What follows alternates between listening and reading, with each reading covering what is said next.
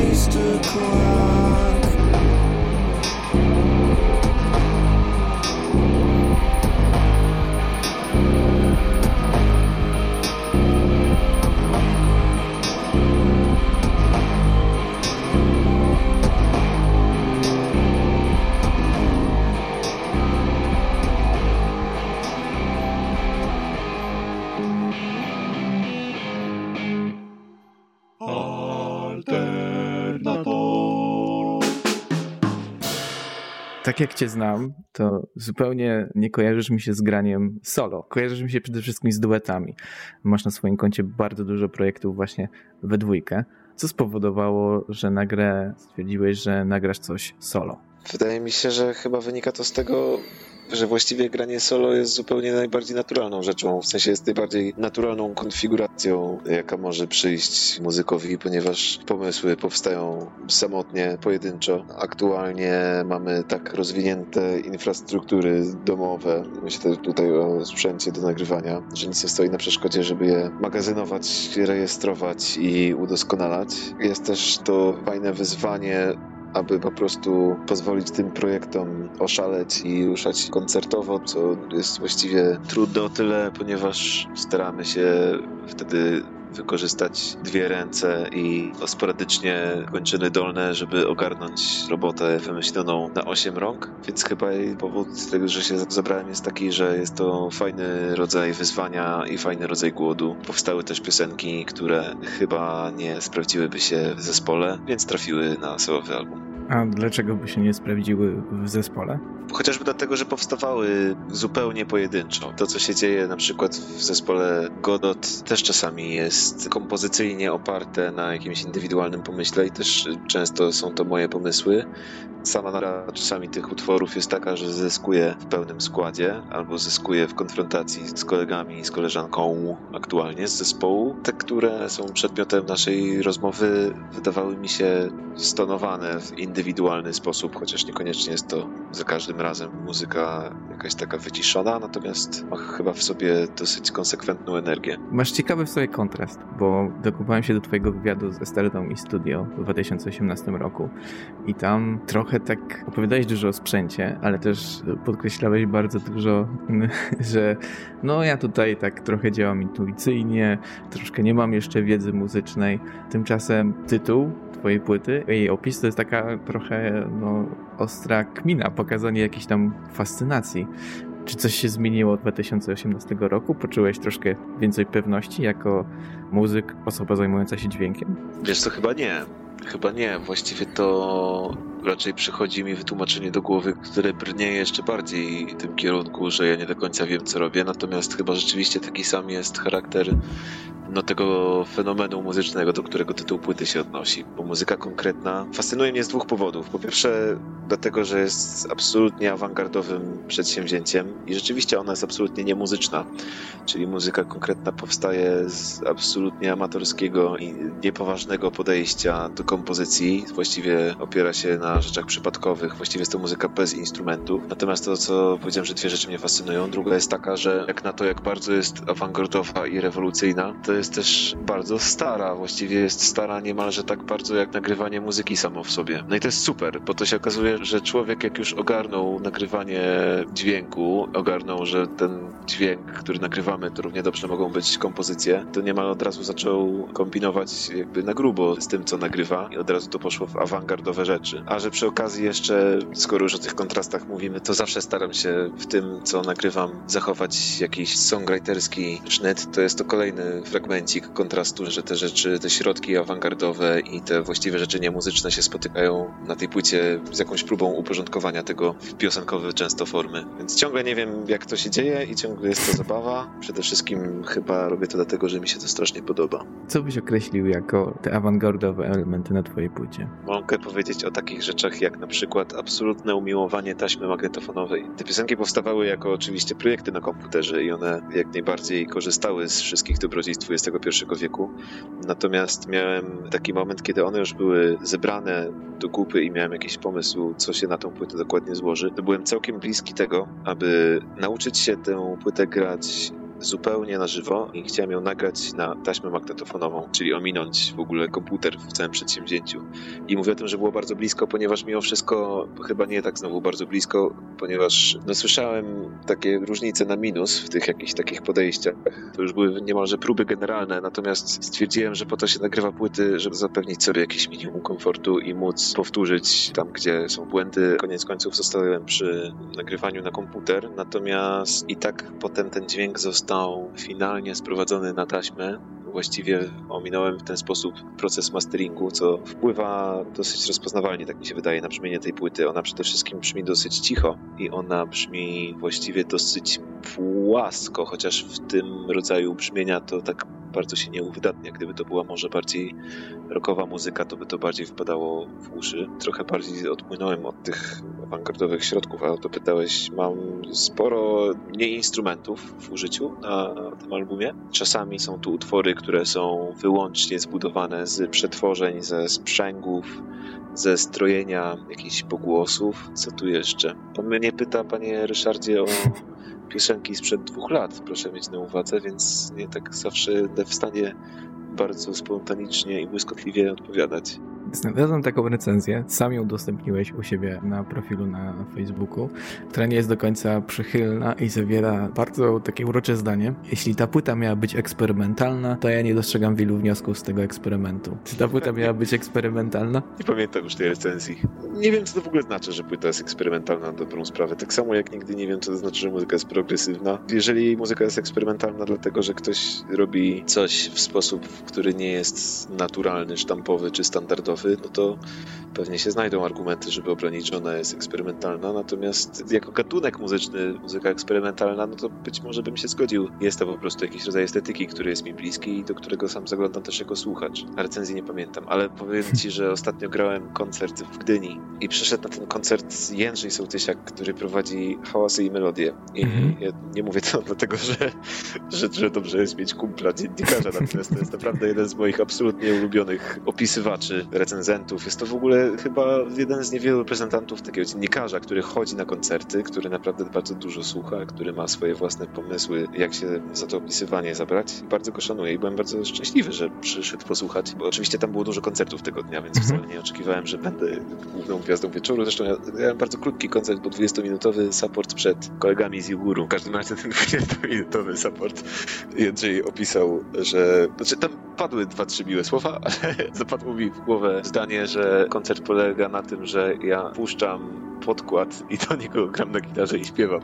To nie o tyle upodło, że naprawdę biorę do siebie bardzo dużo wysiłku, żeby to nie było puszczanie podkładów. Dlatego jest to dla mnie takie trudne i dlatego wiąże się to z takim wysiłkiem, bo wcale nie jestem w tym jakimś ekspertem, ale rzeczywiście absolutna większość przygotowań moich koncertowych polega na tym, żeby jak najwięcej zagrać na żywo i z tak zwanej ręki. Więc jak sobie pomyślałem, że nawet dla takiego eksperta jak Jędrzej wygląda to jak podkłady, to chyba rzeczywiście powinienem następnym razem odpuścić sobie awangardowych środków i eksperymentalnego wyrazu i po prostu pograć muzykę z laptopa, ponieważ efekt może być podobny, albo wrażenie koncertowe.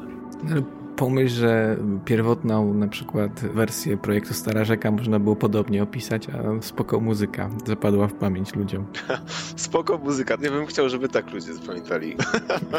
żeby to była najlepsza recenzja. Moi informatorzy mówią mi, że ten album powstawał strasznie długo, że było w nim bardzo dużo dłubania. No właśnie wspominałeś też, że te utwory mają przynajmniej dwa lata. Powiedz, czemu tak długo to wszystko się sklejało do kupy? Myślę, że było dłużej niż dwa lata, ale nie były to dwa lata dłubania. Chociaż dlatego, że album chyba mimo wszystko nie jest bardzo gęsty muzycznie i nie zabija ilością informacji. Jest nawet pewnie dosyć często minimalistyczny. Natomiast dłubanie często polegało też na tym, że był moment, w którym odpoczywałem od słuchania w ogóle tego materiału. Myślę, że odpocząłem nawet na, nie wiem, pół roku albo coś w tym stylu. I pamiętam, że odpocząłem dlatego, ponieważ byłem już wybitnie zmęczony tym, co jeszcze próbuję tam wcisnąć, co jeszcze próbuję tam odegrać, co usunąć, co zmienić i tak dalej. Jak po tych sześciu miesiącach wróciłem do tego wszystkiego, to stwierdziłem, że to jest właściwie gotowe i to był bardzo potrzebny moment tej przerwy. To, że też mam po prostu takie zapędy i trochę takiego, no,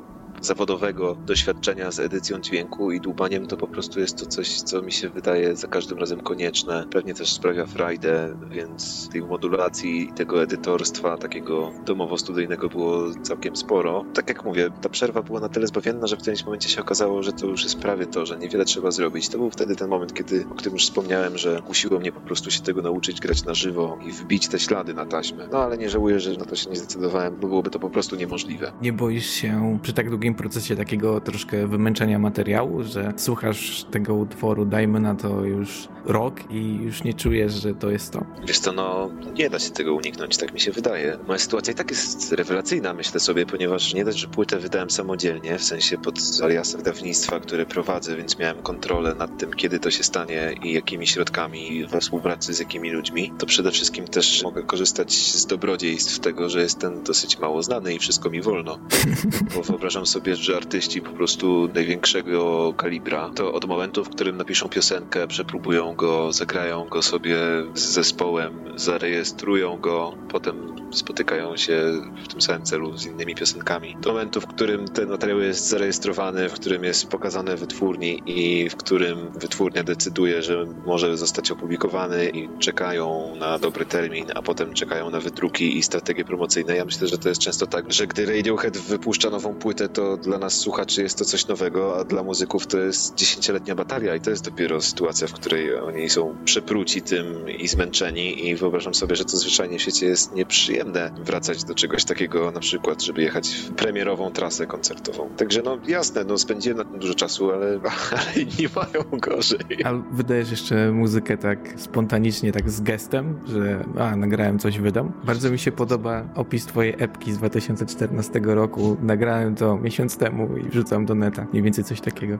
Wiesz co, 2014 z perspektywy 28-letniego człowieka to jednak jest w ogóle jakieś średniowiecze. Wiele się zmieniło. Ale rzeczywiście ostatnio mam w głowie w ogóle tak zwaną nadprodukcję muzyczną i jej problem. I chyba będę dążył do tego, żeby to ograniczać. Ma to jakiś wpływ na to, czy spontanicznie będę coś wrzucał, czy nie.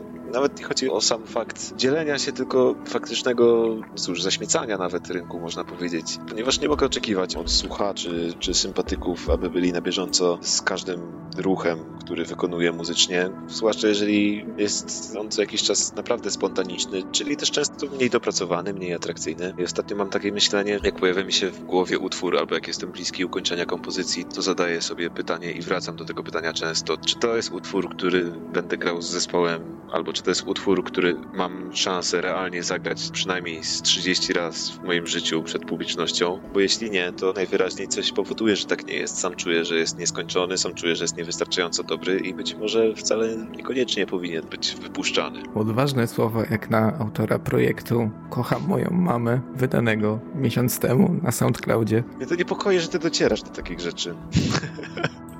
Wiesz co, odwiedził mnie Tobiasz Mulaj, który odwiedził mnie po to, żeby nagrać partię saksofonu na płytę Godota, naszego głównego zespołu. I zrobił to tak sprawnie i tak szybko, że zostało nam dużo czasu na głupoty. Więc nagraliśmy spontanicznie sześciominutowy album który nazwaliśmy Kocham moją mamę i wrzuciłem go na SoundCloud, ponieważ to była jedyna opcja, aby on sam mógł go potem w domu posłuchać nie wymyśliłem nic mądrzejszego. No okej, okay, no tak, to jest pozycja chyba dla fanów Kempy, bo nie widziałem, żebyś go gdzieś tam jeszcze wrzucał. Moi informatorzy, opisując pracę nad twoim albumem, wspominają też, że pod koniec procesu wydawania tego albumu jarały cię sekty i horror techno. Opowiedziałbyś o tym coś więcej? Tak, tutaj można pochwalić informatorów, że dobrze zapamiętali sytuację. Moja fascynacja sektami trwa właściwie ciągle. Ogranicza się już chyba w dużej mierze do oglądania seriali na ten temat. Znaczy nie, nie tylko oczywiście. Z sektami było tak, że muzycznie wiedziałem już co się dzieje na tej płycie, były to rzeczy gotowe, natomiast nie do końca wiedziałem co się będzie działo w tekstach, a tam gdzie jest okazja, to lubię poświęcić na jeden temat niż świetną piosenkę, no i że akurat te fascynacje sektami mi się wtedy pojawiły, to jakieś tam ujście się ku temu znalazło. A sekty to temat fascynujący i podoba mi się z paru powodów jednocześnie. I oprócz takich zupełnie oczywistych powodów, typu, że często jest to jakiś rodzaj manipulacji, który jest no, zwyczajnie w świecie dosyć atrakcyjnie podglądać, jak tam takim zarządzaniem psychologicznym, jak się tych nieszczęśników często dobrowolnie udaje zdobyć, albo jakie to skandale wybuchają, albo jakie te różnice tam względem jednego czy drugiego guru występują, to też pamiętam, że zapoznając się z historią niektórych sekt, właśnie za pomocą Wikipedii, również tam seriali, to pamiętam też taki rodzaj przemyślenia, że sekty zwyczajnie w świecie są bardzo często dosyć fajne, jakkolwiek jest to nieszczęśliwy dobór słownictwa. Oglądałem na przykład serial Wild Wild Country i to był serial o sekcie na pewno z XX wieku, pod koniec pewnie XX wieku. Właściwie w Stanach Zjednoczonych dookoła hinduskiego guru. To, co właściwie jest najtrudniejsze po czasie, jak to wspominam, to sobie przypomnieć, jakie tam właściwie merytoryczne uzasadnienia funkcjonowania tego takiego duchowego funkcjonowały w tej sekcji. Natomiast sprowadzało się to do tego, że było to bardzo bogate społeczeństwo. Oczywiście wybuchały tam skandale na najwyższym szczeblu. W pewnym jakimś szczytowym momencie do tej sekty należało naprawdę strasznie dużo ludzi i oni sobie wszyscy mieszkali, no, no właściwie to było początkowo rancho, a potem to było całe miasteczko, które wybuchło, można by powiedzieć, po prostu w tych Stanach Zjednoczonych. Myślałem sobie o tym oglądając to, że dla wielu tych ludzi oddolnych, czyli tych, którzy na przykład pojawili się tam późno, albo takich, którzy nawet spędzili tam dużo czasu, ale nie byli jakoś wybitnie zainteresowani tymi wysokimi strukturami, albo naprawdę dogłębną analizą tego, co tam się duchowo dzieje, to zwyczajnie w świecie dla tych ludzi był to przypuszczam sobie zupełnie prawdziwie fajny, inspirujący czas, który polega na tym, że coś robisz w komunie, że coś robisz dookoła podstawowych potrzeb i podstawowych wartości. Jest ten wątek zupełnie niereligijny na dobrą sprawę, który sprowadza się nawet do jakichś takich początków chrześcijaństwa, że ludzie mieszkali razem i wymieniali swoje usługi i opiekowali się nawzajem i funkcjonowali jako społeczeństwo. To są rzeczy chyba zupełnie, no przynajmniej neutralne, jeśli nie nawet jakieś takie pozytywne. Ja bym mógł założyć sektę, absolutnie Nawet rozważałem to z podwójnego powodu. Pierwsze, że no, Kaman byłbym założycielem sekty oraz moje wydawnictwo już nazywa się Judasz Iskariota, więc właściwie niedaleko. Natomiast jest jeszcze korzyść taka, że byłby to technicznie rzecz biorąc związek wyznaniowy, który w Polsce ma wyjątkowo preferencyjne warunki funkcjonowania, na przykład jako działalność gospodarcza. I powiem Ci, że robiłem oczywiście zupełnie niepoważne podchody pod to, ale mimo wszystko je robiłem. W Polsce w tej chwili mamy zarejestrowanych chyba około 80 związków wyznaniowych wyznaniowych, z czego ewidentnie po samej nazwie, bez głębokiego researchu, można zobaczyć, że około 10 z nich to są po prostu jakieś jejcarskie pomysły, które przypuszczam, że albo są właśnie takimi pomysłami, jakby tu wymyśleć sobie fajny podmiot, rozumiesz, prawny, i tam są te wszystkie potwory spaghetti i tam jakieś inne. Potem jest bardzo dużo związków wyznaniowych, które są wyjątkowo mniejszościowe, są myślę, że legitne, aczkolwiek wymierające. No a potem jest myślę, że kilka takich po prostu alternatywnych spojrzeń na sprawy duchowe i one myślę, że często mogą być uzasadnione. A to wszystko jeszcze można jakby podsumować chyba mimo wszystko, no nie wiem, smutną refleksją, że jakieś takie późniejsze działanie Kościoła katolickiego, z którego ja pochodzę i który no, jest po prostu prominentny w tym kraju, one są bardzo często niebezpiecznie bliskie do zachowań manipulacyjnych po prostu, jakie właśnie znam z tych sektowskich researchów i te wszystkie myśli jakoś mi tak w głowie się zebrały przy okazji tego czasu powstawania tej płyty.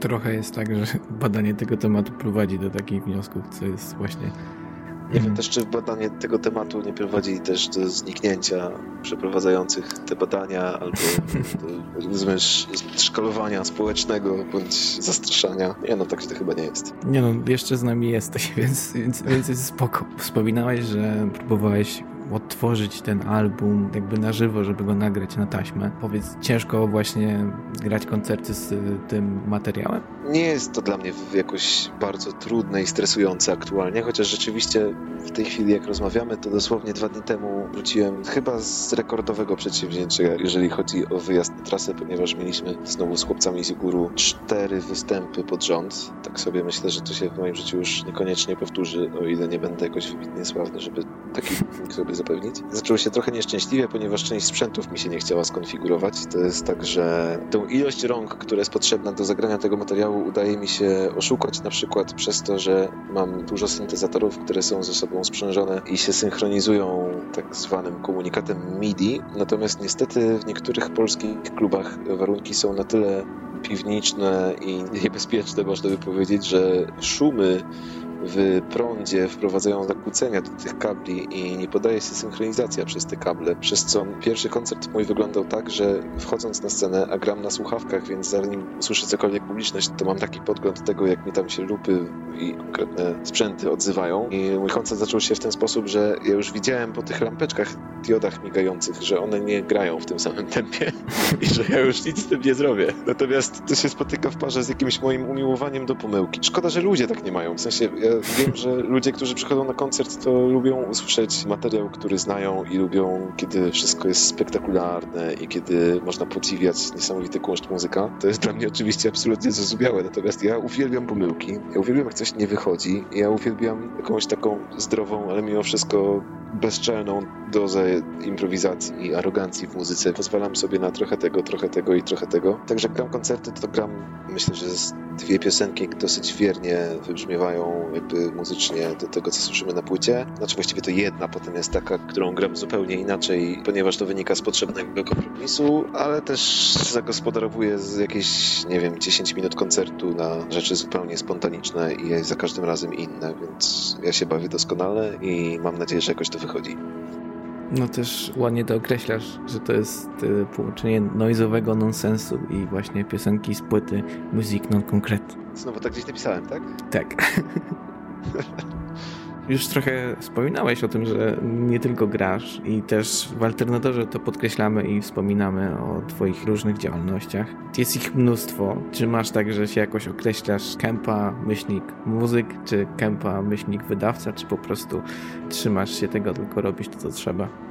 Moim ulubionym jakby stosunkiem do muzyki jest jej słuchanie. Wydaje mi się zawsze, że słucham dużo muzyki, a potem przychodzi mi o niej rozmawiać i ekscytować się z kolegami, koleżankami, ekspertami i tak dalej. I okazuje się, że ludzie chyba nie robią nic innego w życiu, albo ja nie wiem, jestem jak inżynier jak on się nazywał? Ten, co lubi piosenki, co już słyszał i może, może słucham w kółko tych samych kilkudziesięciu płyt. Jeżeli ten stosunek trzeba jakoś zamknąć do jednego słowa, to w ogóle najbardziej inspirujące, najbardziej kreatywne, na dobrą sprawę jest słuchanie muzyki i tam się dzieje właściwie najwięcej i to jest najfajniejsze chyba. Czyli jak będziesz miał stronę na Wikipedii, to trzeba napisać Adam Kempa, słuchacz. Słuchacz a potem reszta. Tak, tak. Słuchacz to też jest, tak mi się wydaje, takie tradycyjne słowo na, na studenta, prawda? Że jest wykład i jest słuchacz. Tak, tak. To jestem słuchaczem tego życia. Ja postanowiłem zrobić coś, czego nie mogłem znaleźć o tobie na szybko, czyli wpisać jak najwięcej twoich projektów i zastanawiam się, czy może nie przejdziemy tak trochę historycznie przez nie, E, już, jest, już, już się boję. Myślę, że nic nie pamiętam, ale próbujmy. Nie no, jestem ciekawy, co dla ciebie było jakoś ważniejsze na tej drodze, na tej drodze zostawania Adamem Kempą teraz w tej chwili. Najwcześniejszy zespół, jaki znalazłem, a jaki mam informację, to jest zespół nie do ogarnięcia. Tak. E... Jedyne, co się stało po tym projekcie, to moja rozmowa sprzed trzech tygodni z Damianem, który tam grał i którego było właściwie zobaczyć. Było bardzo miło zobaczyć po tym długim czasie. I gdzieś na prywatnym kanale YouTube'owym mam fragmencik jednego koncertu, którego oczywiście nie pokażę nikomu. No i to był, cóż, pierwszy zespół. Punkowe granie i uczenie się. Nie, nie, właściwie nie uczenie się. To jeszcze jest ten stosunek, w którym masz 16 lat, gitarę i coś umiesz i wydaje ci się, że robisz to najlepiej i spotyka się takich pięciu, nie słuchają się nawzajem, e, tylko e, piszą piosenki i grają koncert. Myślę, że z tego etapu masz wiele takich ukrytych rzeczy, bo nie mogłem odsłuchać e, niektórych z nich, jak teraz patrzyłem, bo chyba też z tego etapu jest McCloskey Value, Cis Myślę, że z podobnego, myślę, że tak. To już późniejsze, to już, to już późniejsze sytuacje. To był taki twój początek, czyli na początku było mocno gitarowo, punkowo w ten sposób. Wiesz co, nie. Chyba Goodnight Chicken to jest pierwszy ważny akcent. To jest zespół, który ciągle istnieje i tam gra aktualnie moich dwóch kolegów, Tomek i Artur. Natomiast byłem na początku perkusistą tego zespołu. To była absolutnie regularna i no cóż, duża rzecz wtedy jakby dla mnie życiowo.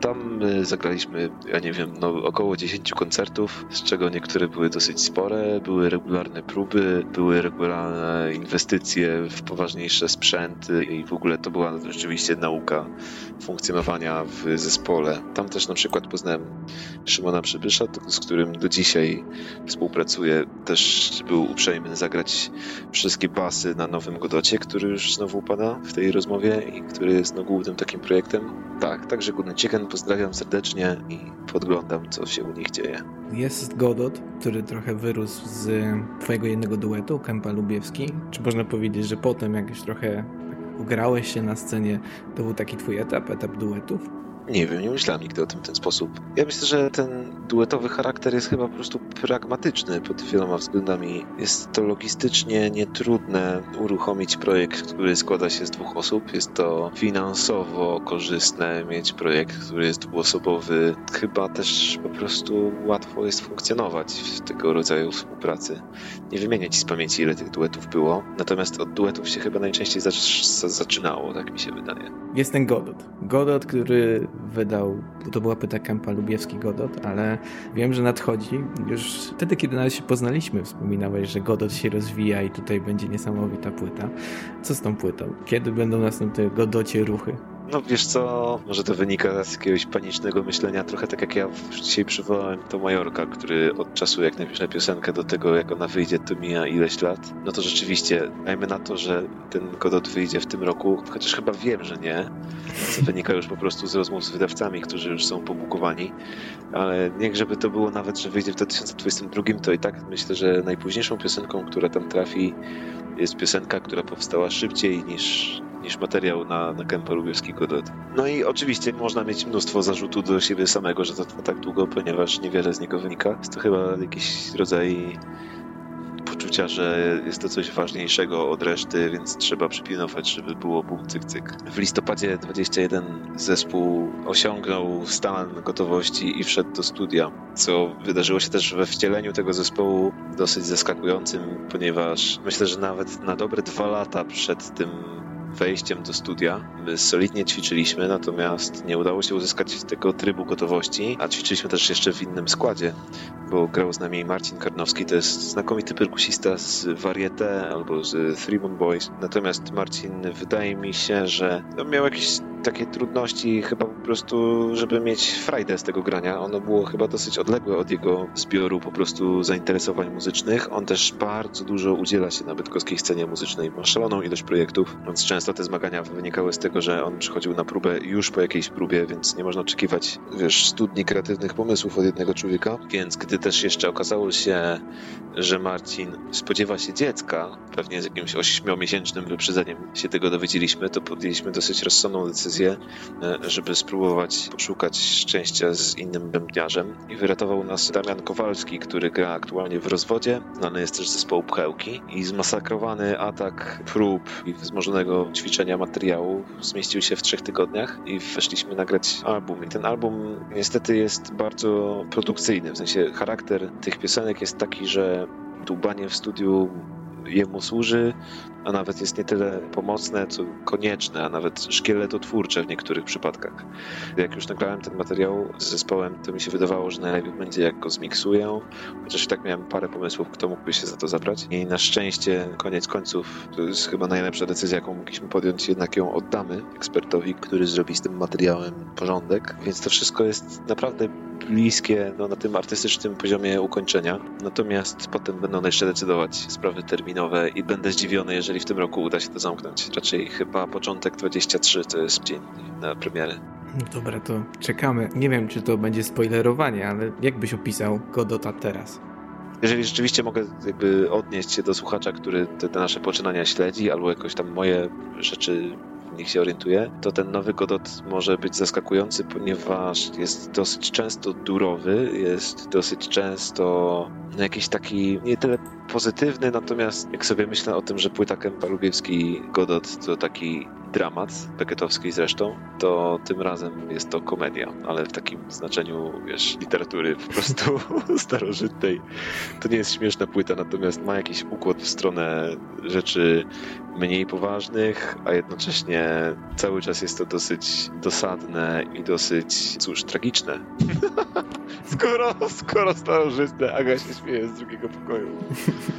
Też super się wydarzyło to, że nagrywaliśmy to i pisaliśmy i te próby działy się wtedy, kiedy ja i Mateusz jakby obudziły się w nas fascynacje tymi samymi grupami muzycznymi. To się dzieje bardzo rzadko. Mateusz to jest mój najbliższy brat muzyczny, natomiast bardzo niewiele nas łączy właściwie w sprawach tych takich zamiłowań muzycznych. A ten Godot chyba powstał na takiej fali miłością do Davida Byrna, nawet chyba w moim przypadku bardziej solowego niż tego Stocking Heads, do art rocka, jako w ogóle jako gatunku, do jakichś takich zupełnie awangardowych wykipasów typu Mr. Bungle, ale też King Cruel to jest w ogóle coś, co się mhm. stało w ogóle po nagraniu tej płyty zacząłem już bardzo dużo słuchać, więc jest dosyć gitarowo i jest też trochę, nie wiem czego, magii, magiczny album. Mag Magic Rock.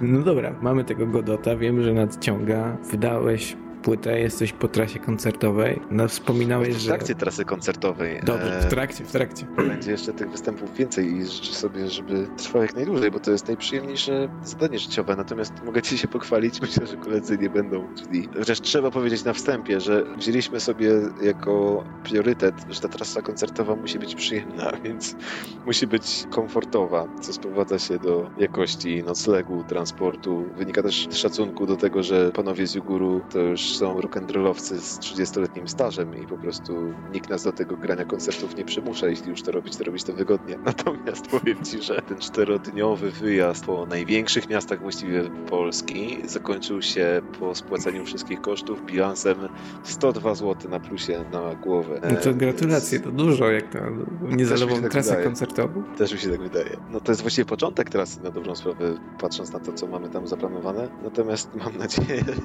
że tendencja będzie no, przynajmniej stała, a może i rosnąca. Bo jest to naprawdę najprzyjemniejsze przedsięwzięcie na świecie, ale nie dziwi mnie, że jest tego coraz mniej. Nie dziwi mnie, że zespoły upadają. Jeśli mam być szczery, to nie dziwi mnie też, że nie dużo ludzi przychodzi na koncerty, ponieważ po prostu kondycja tych ośrodków kulturalnych w Polsce, klubów jest często dosyć mierna i oczywiście nie mówię tego jako zarzut, ponieważ to są dziesiątki czynników, które na to wpływają. Jest też dosyć nieduże wsparcie finansowe instytucjonalne, albo promocyjne. No ale generalnie jest to niesamowite, na jak wiele ustępstw i jak wiele, wiesz, jakościowo komfortowych kompromisów musi się wydarzyć, żeby mógł się odbyć koncert. I często jest to przypłacane po prostu, wiesz, no, komfortem, jeśli nie zdrowiem. Tak jest. To trochę mrocznie się zrobiło, a ja chciałem cię zapytać po prostu o plany. O plany, jakie jeszcze masz artystyczne w najbliższym czasie?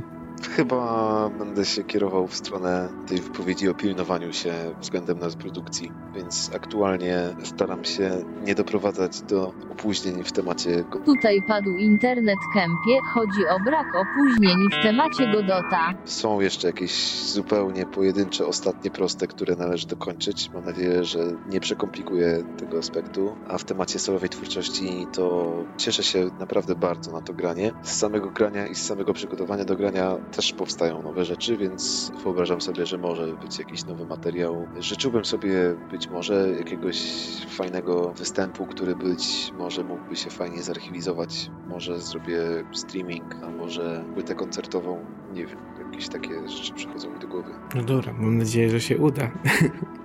Już pamiętam, że nawet jak byłeś w Żaku z Godotem, to tam były już próby archiwizacji tego jakoś tak ładnie i składnie. Wydaje mi się, że to doszło do skutku. Wydaje mi się, że jest jeden utwór, który powinno się udać znaleźć na YouTubeku. Tak, na pewno tak jest. Tak, na YouTubie jest fragment tego koncertu. Okay. Wrzucimy go na Oczywiście, bo panowie macie bardzo komfortowe warunki w tym radiu. Atmosfera prowokuje do tak wspaniałych przeżyć, ponieważ jest tam tak miło że byłoby to głupie nie skorzystać z waszych dobrodziejstw.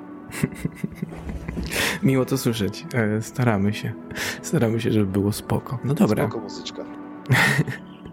Dzięki Adam za wywiad. Mam nadzieję, Bardzo że, proszę. że będziecie Bardzo słuchać. Rozmawiać. Mam nadzieję, że będziecie słuchać jak najwięcej kępy, bo warto. Jego osolowa płyta jest super. Polecamy ją na maksa. Ja nie polecam, bo to nieskromnie.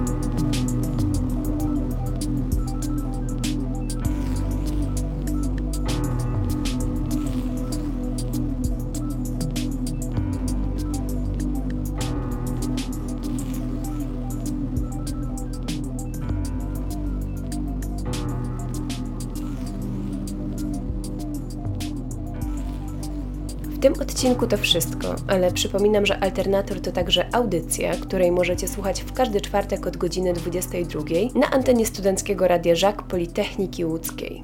Więcej informacji na naszym fanpage'u i Instagramie.